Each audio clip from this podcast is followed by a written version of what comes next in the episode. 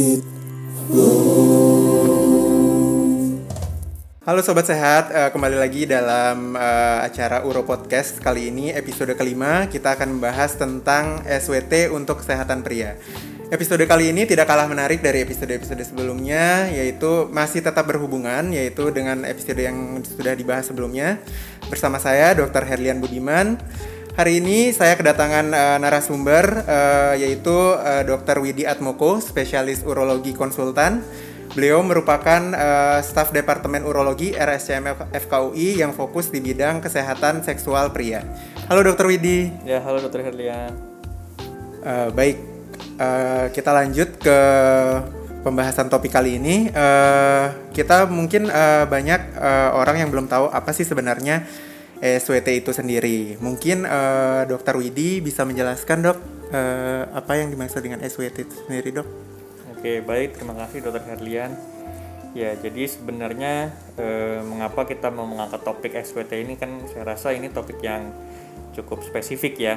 Tapi saya rasa ini dari Departemen Urologi cukup eh, tertarik untuk mengangkat topik ini karena sebenarnya menyambung dari pembicaraan eh, dulu Uro Podcast di edisi awal ya, saya rasa dan juga yang sempat juga bersama dengan Prof. Akmal membahas mengenai obat kuat. Jadi eh, banyak sekali pilihan terapi pada kasus disfungsi ereksi. Ini kita hanya baru ngomongin disfungsi ereksi ya. Tapi sebenarnya kan episode ini kita rencana mau membahas mengenai kesehatan seksual pria ya. Jadi mungkin tidak hanya impotensi tapi juga masalah mungkin radang prostat atau prostatitis ya Ya. atau mungkin keluhan seperti eh, peroni yang mungkin gampangnya itu di daerah penis ada gambaran suatu plak atau kayak pengerasan. Nah, sebenarnya memang SWT itu ada peran di sini. Nah, kalau kita lihat SWT itu kepanjangannya itu adalah extracorporeal shockwave therapy ya, di mana jadi eh, ini merupakan salah satu terapi non invasif ya nanti kita dengan alat ini kita bisa menembakkan suatu gelombang ya yang dapat menembus jaringan lunak menuju daerah organ yang memang kita duga ini mengalami kelainan ya. Salah satunya dalam hal ini eh, daerah penis dan juga mungkin daerah prostat ya.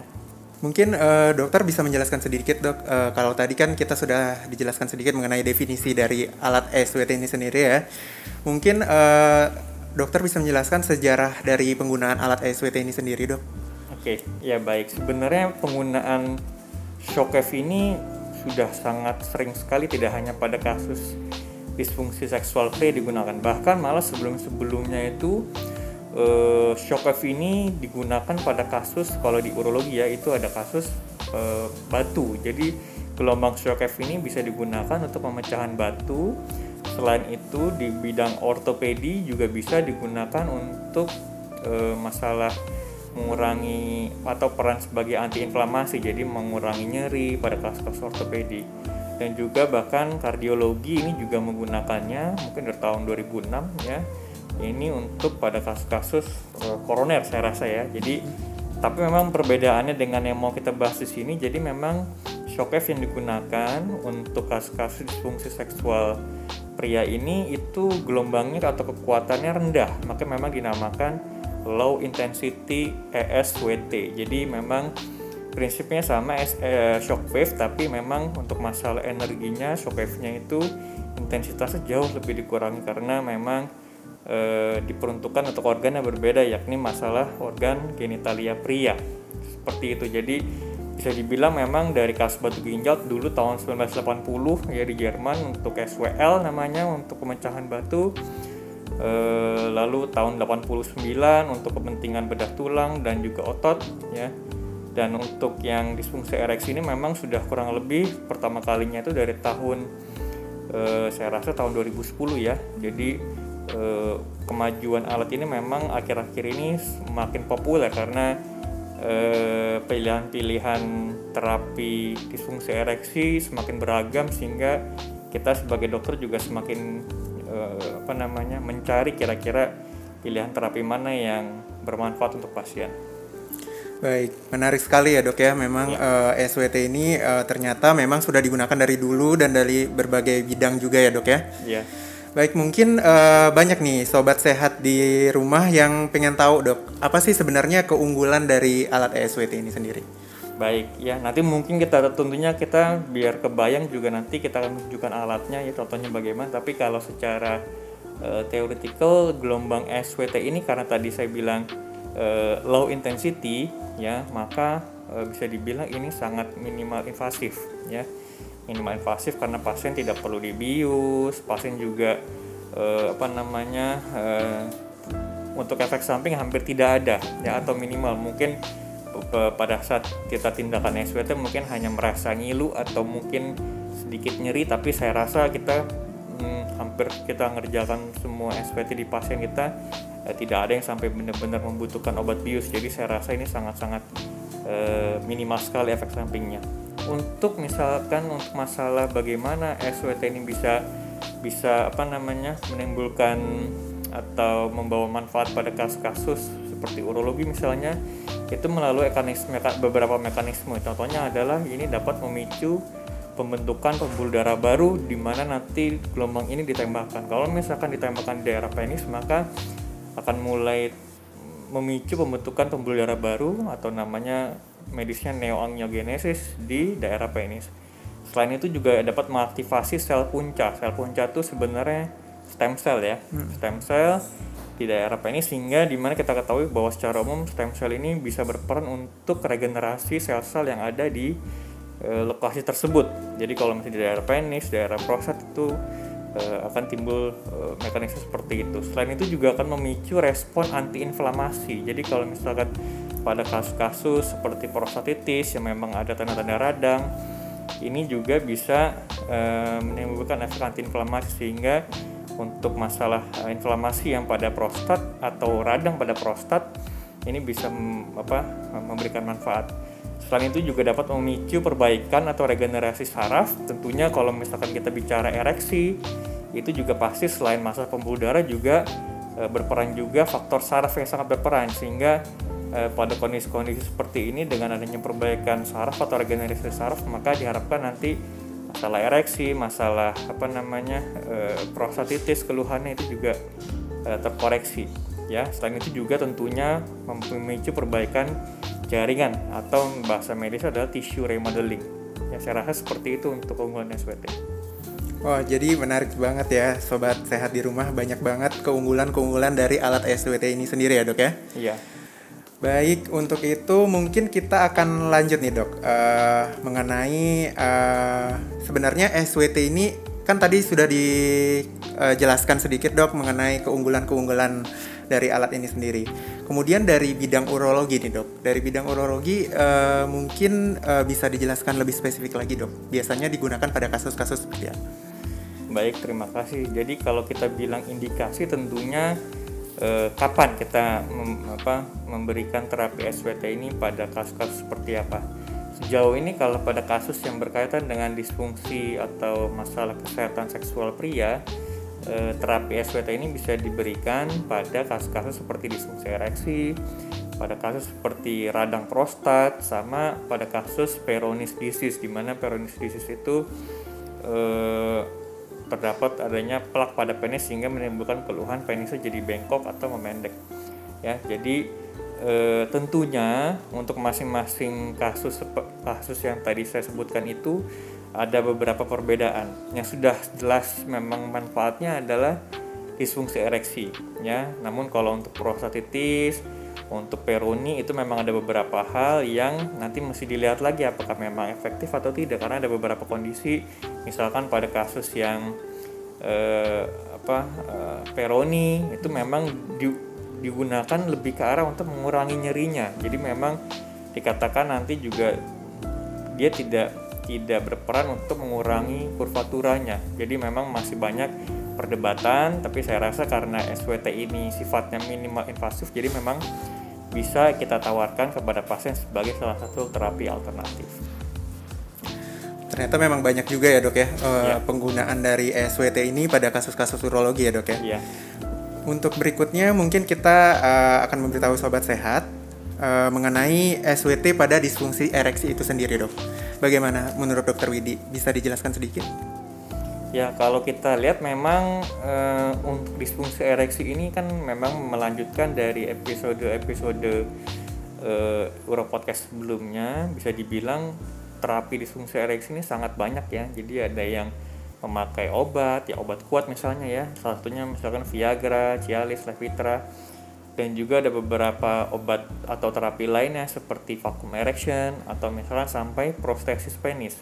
Ya tapi memang secara umum terapi-terapi ini bisa dikatakan hanya simptomatik ya. Jadi e, untuk terapi kausalnya itu sebenarnya masih banyak dicari. Nah sebenarnya yang kausal ini yang definitif ini itu ada beberapa pilihan ya. Saya bilang beberapa, beberapa. Jadi selain SWT juga ada pilihan terapi lainnya. Sebenarnya ini juga masih apa namanya mm, masih dalam tahapan-tahapan penelitian karena masih sangat berkembang. Contohnya adalah sel punca atau stem cell ya.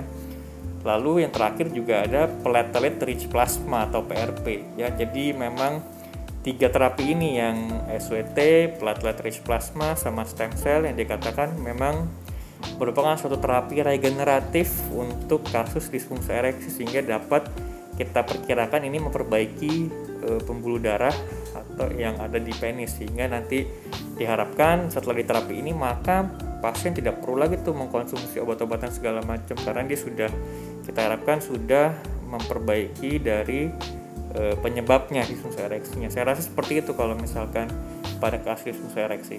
Baik, terima kasih Dokter Widi uh, penjelasannya menarik sekali. Jadi memang ESWT ini untuk uh, terapi kausal ya dok ya? Iya. Salah satunya ya. Salah satu terapi kausal untuk disfungsi ereksi. Mungkin uh, sobat sehat nih dok, banyak sobat sehat juga ingin uh, mengetahui ada nggak sih dok rekomendasi-rekomendasi dari beberapa penelitian atau mungkin jurnal-jurnal atau guideline dari luar tentang penggunaan SWT ini pada disfungsi ereksi dok? Ya kita biasanya kalau dari urologi itu uh, sering berkiblatnya atau uh, istilahnya mengikuti ya mengikuti anjurannya itu dari organisasi di luar negeri tentunya. Tentunya yang cukup besar seperti European Association of Urology atau EAU ya. Dan di EAU ini memang dikatakan peran terapi low intensity SWT ini terutama pada pasien dengan disfungsi ereksi yang tipikalnya karena vaskulogenik. Vaskulogenik itu artinya penyebabnya ada di pembuluh darah ya bisa karena mungkin masalah hipertensi, masalah e, dari riwayat sakit gula ya memang secara derajat disfungsi ereksinya dibilang ringan yang memang ideal sebagai terapi SWT. Dikatakan memang terapi SWT ini e, sebagai lini pertama ya, alternatif pada pasien memang kontraindikasi terhadap terapi minum atau terapi obat-obat oral ya, obat kuat ya. Atau yang memang pasien memang kepengen pilihan terapi ini. Jadi memang pada pasien-pasien yang mungkin ada kontraindikasi minum obat Viagra misalnya mungkin ada riwayat sakit jantung berat atau pasien tersebut juga mengkonsumsi obat-obatan e, jantung yang mengandung nitrat ya yang bisa mengganggu apa namanya e, e, apa namanya e, nanti masalah tekanan darahnya kalau bisa diberikan dengan obat-obatan seperti Viagra maka terapi SWT ini bisa menjadi alternatif untuk pasien tersebut. Kapan jadinya penggunaan SWT ini dok? Ya memang kalau bicara timing ya timing pemberian SWT kita balik lagi ke guideline guideline itu sebenarnya kan panduan ya memang kalau di guideline itu belum ada eh, patokan yang jelas kapan kita menggunakan terapi SWT ini. Memang dibilang SWT ini bisa eh, ideal untuk kasus disfungsi ereksi tipe yang tadi saya bilang mengenai eh, paskologenik tapi secara derajat berat disfungsi ereksi yang ringan. Tapi masalah timingnya belum banyak yang dibahas.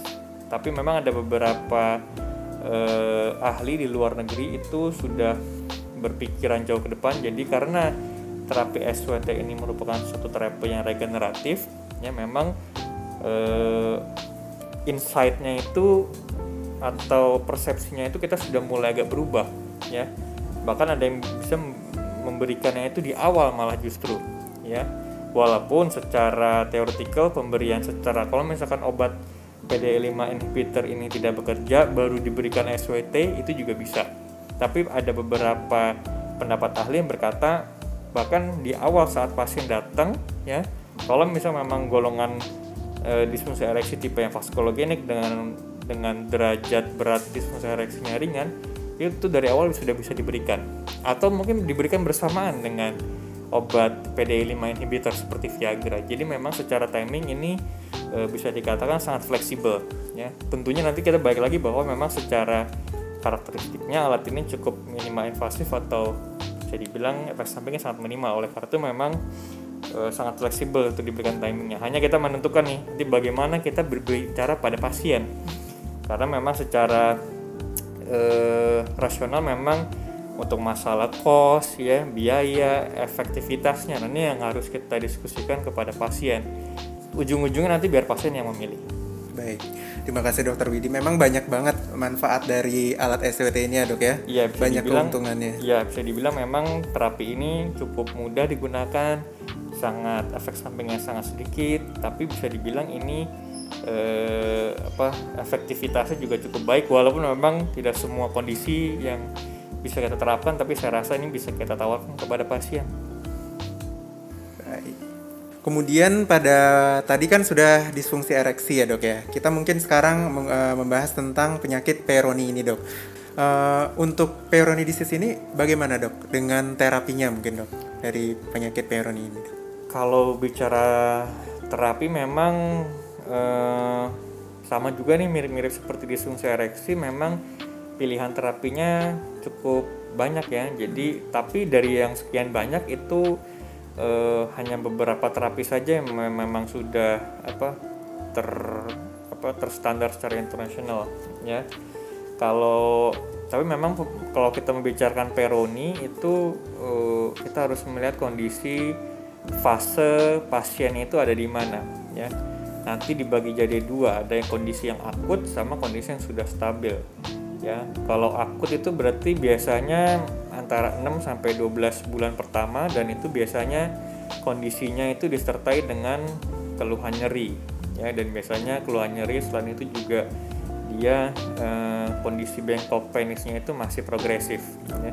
sedangkan kalau stabil itu biasanya kurang lebih setahun setelah onset eh, pertama kali merasa keluhan bengkok nah itu biasanya dia sudah tidak ada keluhan nyeri tapi memang akibatnya dia sudah bengkok penisnya jadi seperti itu aja jadi sudah sudah sudah sudah stabil e, fasenya nah itu karena beda tuh kalau misalkan kita bicara fase akut tadi fase yang lagi nyeri hmm. yang lagi progresif bengkoknya tambah terus nah itu e, kita tujuannya karena dia pasien yang mengeluh nyeri maka e, kita atasi perbaikan nyerinya. Nah ini memang di sini yang tempatnya SWT ini bisa berperan walaupun selain dari pemberian anti nyeri dan juga ada beberapa terapi lainnya memang saya rasa eh, belum banyak yang terbukti secara klinis seperti itu ya. Kalau misalkan bicara mengenai apa namanya eh, terapi yang injeksi ada memang tapi juga hanya baru satu yang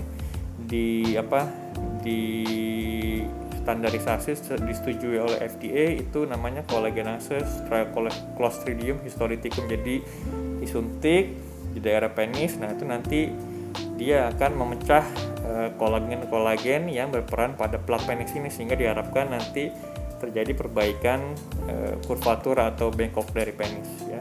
Baik, ini tadi kita udah membahas disfungsi ereksi ya dok ya. Disfungsi yeah. ereksi penyakit peroni. Kemudian ini yang terakhir ini dok dari penyakit prostatitis ini dok. Mungkin bisa dijelaskan dari definisinya dok prostatitis ini? Ya kalau namanya tistis biasanya sih radang ya jadi bisa dibilang prostatitis ini merupakan suatu inflamasi atau radang pada kelenjar prostat pada pria ya e, memang biasanya ada dua golongan, ada yang akut, ada yang kronik. Biasanya kalau kronik tentunya keluhannya dirasakan lebih dari tiga bulan. Dan biasanya keluhan yang sering timbul pada keluhan prostatitis ini itu nyeri saat kencing bisa nyeri. atau nyeri di daerah e, genitalia bisa di daerah penis, bisa di daerah apa namanya e, skrotum atau di daerah perineum. Perineum itu adalah daerah di antara kantung kemaluhan ya buah zakar dengan anus. Jadi kan itu ada daerah di situ nah itu biasanya pasien mengeluh nyeri ya. Paling sering itu. Dan yang kedua biasanya uh, ada keluhan seperti uh, kencingnya jadi nggak lancar. Jadi misalkan seperti sering kencing tidak lampias ya nah itu yang yang bisa dirasakan juga selain dari nyeri. Tapi memang kalau secara prevalensi yang saya baca memang bisa 40 sampai 30 persen keluhannya lebih ke arah nyeri ya. Ya. Bisa saat bisa saat kencing bisa juga di daerah-daerah genitalia yang tadi saya sebutkan. Jadi memang proses inflamasi ya dok ya pada daerah prostatnya ya dok ya. Bagaimana sih dok? uh, uh, bagaimana dengan penelitian-penelitian yang sudah ada nih dok mengenai efikasi dari ESWT teruntuk untuk prostatitis ini dok? Ya, memang ada beberapa penelitian ya. Mungkin sebelum sebenarnya di kita juga sudah melakukan penelitian ya, terutama dari tim andrologi Dr. Ponco, Dr. Nur, saya sama dari residen eh, siapa Dr. Erpandi ya. Itu kita sudah melakukan studi meta analisis. Meta analisis sebenarnya ini studi atau penelitian yang berusaha mengga- menggabungkan ya, menggabungkan dari beberapa penelitian sudah dikerjakan oleh orang lain ya karena e, dengan studi meta analisis ini maka dianggap ini merupakan studi yang e, evidence-nya paling tinggi karena banyak sekali nanti ada penelitian yang hasilnya bagus, yang ini ada kurang. Nah, kita berusaha melebur sat- menjadi satu penelitian, nanti ada scoring-scoringnya. Nah, kita temukan bahwa sebenarnya SWT ini dibilang cukup efektif ya dalam mengurangi nyeri. Saya bilang mengurangi nyeri dan juga memperbaiki eh, kualitas hidup ya terutama pada pasien yang sifatnya eh, terjadi prostatitis tapi yang non bakteri ya non bakteri artinya bukan diakibatkan karena bakteri yang tipikalnya yang kronis jadi kita udah cari tadi dari dari apa dari urinnya dari analisis dari eh, spermanya itu kita tidak temukan adanya suatu tanda-tanda infeksi jadi pada kondisi seperti ini dikatakan SWT cukup efektif dalam memperbaiki keluhan dan juga kualitas hidup Baik dok, tadi kan udah menjelaskan semuanya. Mungkin sobat sehat pengen tahu nih dok, kayak gimana sih sebenarnya alat dari SWT ini? Mungkin dokter Widi bisa menunjukkan dok? Oke, ya. Kita coba kasih lihat ya. Ya, di sini sudah kebetulan kita di RSCM alhamdulillah sudah punya alat ini SWT. Mereknya memang eh, beda-beda ya di Indonesia, ada yang pakai merek ini, ada yang pakai merek lain ya. Tentunya tapi saya rasa secara umum penelitian menyebutkan SWT ini memang seperti itu. Jadi ada efek-efek eh, positif bisa memperbaiki disfungsi ereksi. Ya, jadi eh, ini alatnya ya tidak terlalu besar. Di sini ada gel padnya ya di propnya ini cukup lunak jadi seperti kayak gel ya kalau bisa kita lihat di sini. Nah ini yang kita tempelkan nanti di daerah penis. Ini saya ambil contoh eh, manekin ya manekin itu bong-bongan ya. Ini misalnya penis. Jadi sebenarnya ini penisnya ini penisnya orang bule ya cukup besar. Jadi nanti begitu kita setelah men-setting alat mesin tersebut kita setting 3000 shock ya nanti kita tembakan di daerah jam 12 penis ya jadi kalau penis kita kan ke arah sana ya maka nanti kita tembakan jam 12 ya jadi seperti ini kita tembakan sebanyak 3000 shock. Ini ditembakkan dari sulcus coronarius ya di bawah glans ini sampai ke daerah pangkal ya. Jadi bolak-balik sebanyak 3000 shock. Ya setelah diberikan 3000 shock nanti kita berpindah di daerah kerura kerura itu seperti apa ya istilahnya ya, akar ya. Jadi pangkal dari penis ini adanya di di apa junction antara skrotum sama penis. Jadi di bawah di sini ya dia akar atau kerura penis itu bergerak ke daerah sebelah luar sebelah lateral kalau bahasa medisnya. Jadi nanti kita berikan sebanyak 3000 shock total jadi 1500 di kanan 1500 di kiri shock. Ya nah ini total kurang lebih pemberian shock ini mungkin antara 10 sampai 15 menit. Ya jadi saya rasa tidak tidak cukup lama untuk menjalani satu sesi. Saya rasa cukup praktis Baik, terima kasih dokter Widi. Ternyata simpel banget ya dok ya, memang Iya. menggunakan SWT ini. Kalau boleh tahu nih dok, eh, untuk mendapatkan terapi SWT ini bisa di mana nih dok? Kalau untuk di Indonesia di Jakarta ini dok?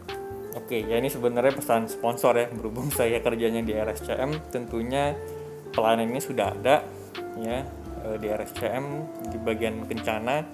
Nanti ada klaster namanya Men's Health and Couple Wellbeing eh, Clinic, gimana nanti di situ kita bisa melayani pasien dan juga bahkan pasangannya. Kalau misalnya memang ada gangguan-gangguan atau keluhan seputar kesehatan seksual jadi masalah disfungsi ereksi masalah tadi yang radang prostat atau mungkin nanti eh, ada gangguan atau hubungan dengan istri juga ada masalah misalnya ada masalah psikiatri istrinya ada masalah beban ini ya psikis. Nah itu kita bisa melayani memberikan pelayanan kepada pasien secara one stop service. Jadi nanti pasien juga nggak usah nggak usah bolak balik pindah-pindah dokter. Nanti tim dokternya akan datang ya. Dan sifatnya makanya multidisiplin karena kita juga tidak hanya urologi ada psikiatri ada rehabilitasi medik ada bedah plastik ada dokter saraf neurologi dan juga ada dokter endokrin penyakit dalam yang bagian masalah hormonal. Jadi saya rasa kita harapkan nanti pelayanan ini bisa uh, holistik atau komprehensif ya. Untuk pelayanan spesifik misalnya di bidang urologi selain SWT ini juga kita ada pelayanan seperti Regiscan di mana Regiscan ini kita bisa menilai uh, seberapa objektif uh, fungsi ereksi pada suatu pasien. Ya nanti pasien akan dipasang alat scan nanti ada kayak ring di penis nanti kita bisa uh, memeriksa uh, fungsi ereksi penis secara natural jadi pasien yang tertidur nanti kita bisa merekam aktivitas penis saat pasien tertidur jadi seperti kayak EKG tapi ini EKG-nya di daerah penis tapi nanti bisa kita lihat ketika pasien tidur ya dan tentunya juga seperti prosesis atau implan penis dan juga vacuum erection device. Jadi saya rasa pelayanan untuk masalah kesehatan seksual terutama pria ini sangat sudah lengkap sekali di RSCM. Baik, menarik sekali Dokter Widi eh, penjelasannya. Jadi sobat sehat nggak usah jauh-jauh ke luar negeri di RSCM Kencana juga sudah ada ya dok ya? Iya. Baik, uh, uh, untuk melanjutkannya mungkin ada take home message ini dok untuk uh, sobat sehat di rumah yang ingin mendengarkan. Ya, sebagai kesimpulan, pada dasarnya intinya adalah terapi SPT ini merupakan terapi yang aman. Saya bilang garis bawahi aman ya, karena minimal invasif dan sangat minimal efek samping ya.